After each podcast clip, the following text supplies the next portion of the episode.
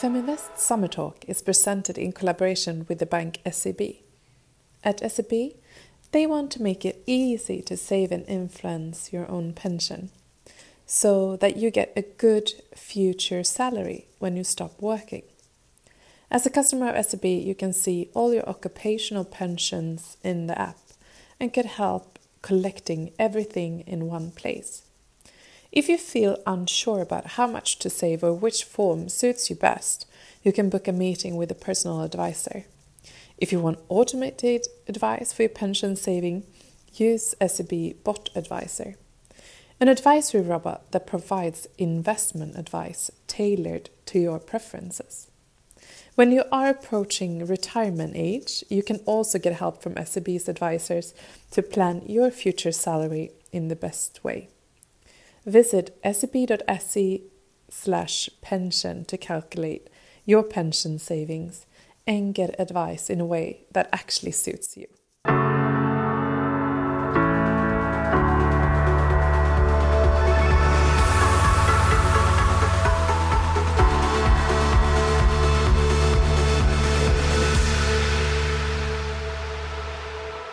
Since I was a little girl, I saw my mother working harder than anyone I know.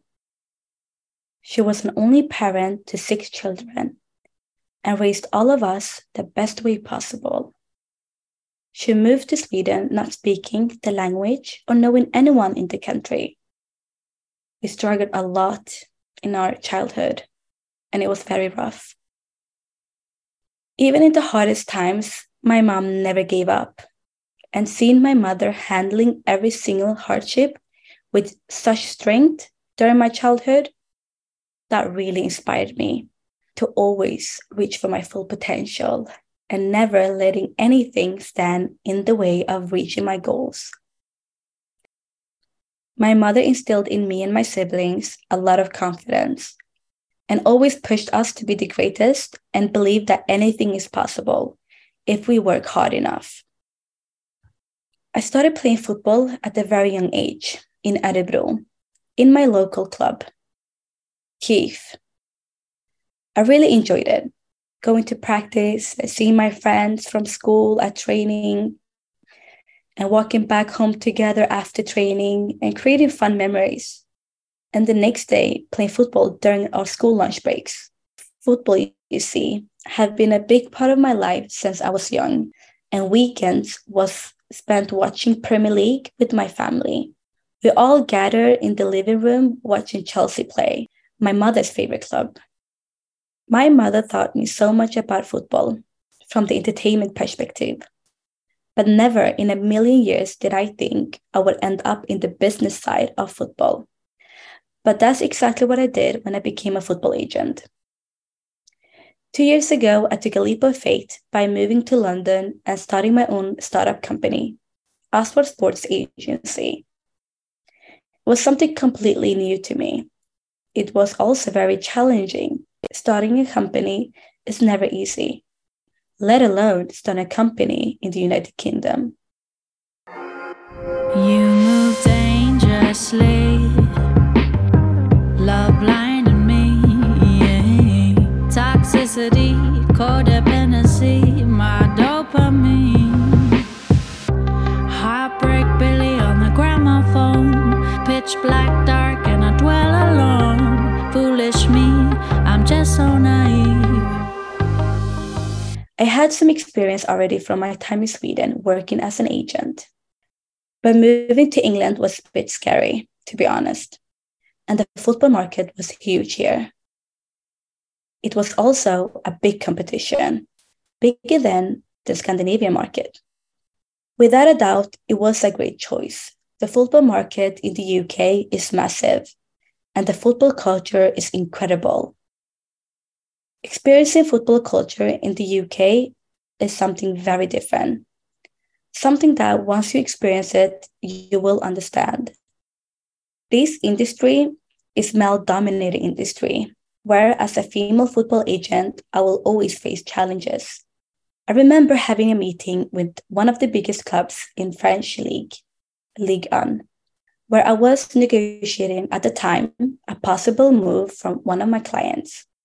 When I came to the meeting, mid sentence, the sporting director interrupted me and he said, Wow, I didn't expect to see a woman as a football agent here. This comment alone really shows how football agents are expected to be always men. Being a woman and in a male dominated industry is not easy, and it won't be easy. But their views on women shouldn't and won't ever affect me. But it's the same for all the women that are working in male dominated industries. We're expected to work harder than the men to prove ourselves that we belong here, or that we change ourselves to fit in. I don't quite agree with that concept. Being myself have helped me more than anything. Staying true to myself and always being confident in my decisions is something that I have always done. And I'm very proud of it.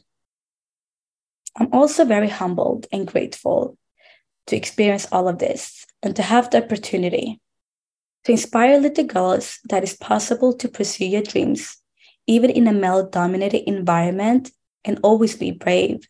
Where do I get my resilience and strength from, you may ask? It's simple. My mother. Just before summer this year, it was a massive FIFA exam where I had to sit and take my FIFA exam together with thousands of other football agents. And I really mean thousands. Just before I started my exam, I looked around to my left, to my right, and inside I only saw two other female football agents taking the exam. I thought to myself, two of thousands of men? It was a shock, even for me as a female agent. I thought at least in the exam room it would be more females.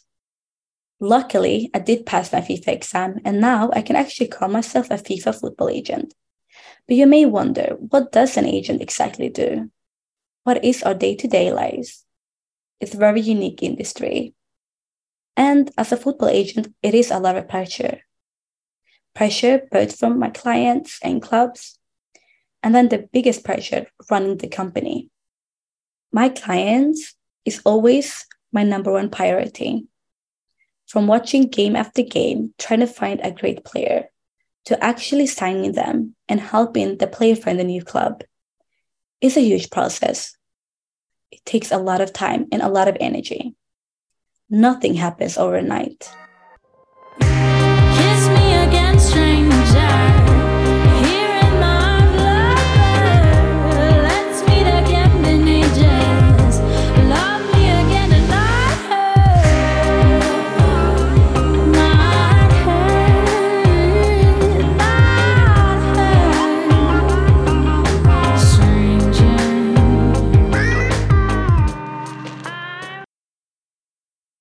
A football agent represents football players and handles all the elements of their careers, on and off the pitch. You will help them decide which club to play for, ensure that they're paid correctly, and to complete all their deals on their behalf. But it's also a very rewarding job. Agents make transfers two times a year the summer transfer and the winter transfer. This is when the market is open for clubs to buy and sell players. And agents play a huge part. If you ask me, the agents play the biggest part. Since we as agents, we decide at the end of the day which club the players end up in. A lot of people say that football players shouldn't earn that much money, and that is not quite fair.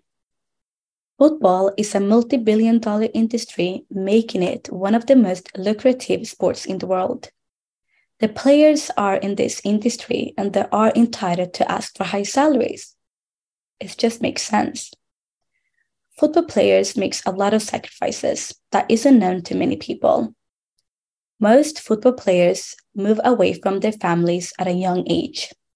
From 15, they can move across the country or the other side of the world to reach their goals to become a professional football player. It's tough and it's a lot of pressure on them from a young age. The competition is huge in our industry.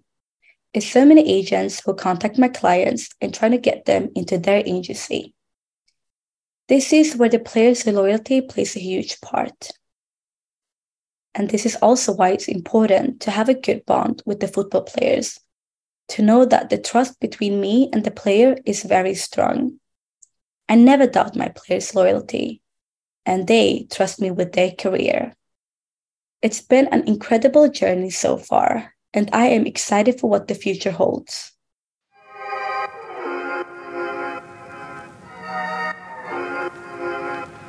It's me again, stranger. The song in this episode is called Heartbreak Billy and is written and performed by Moa McKay.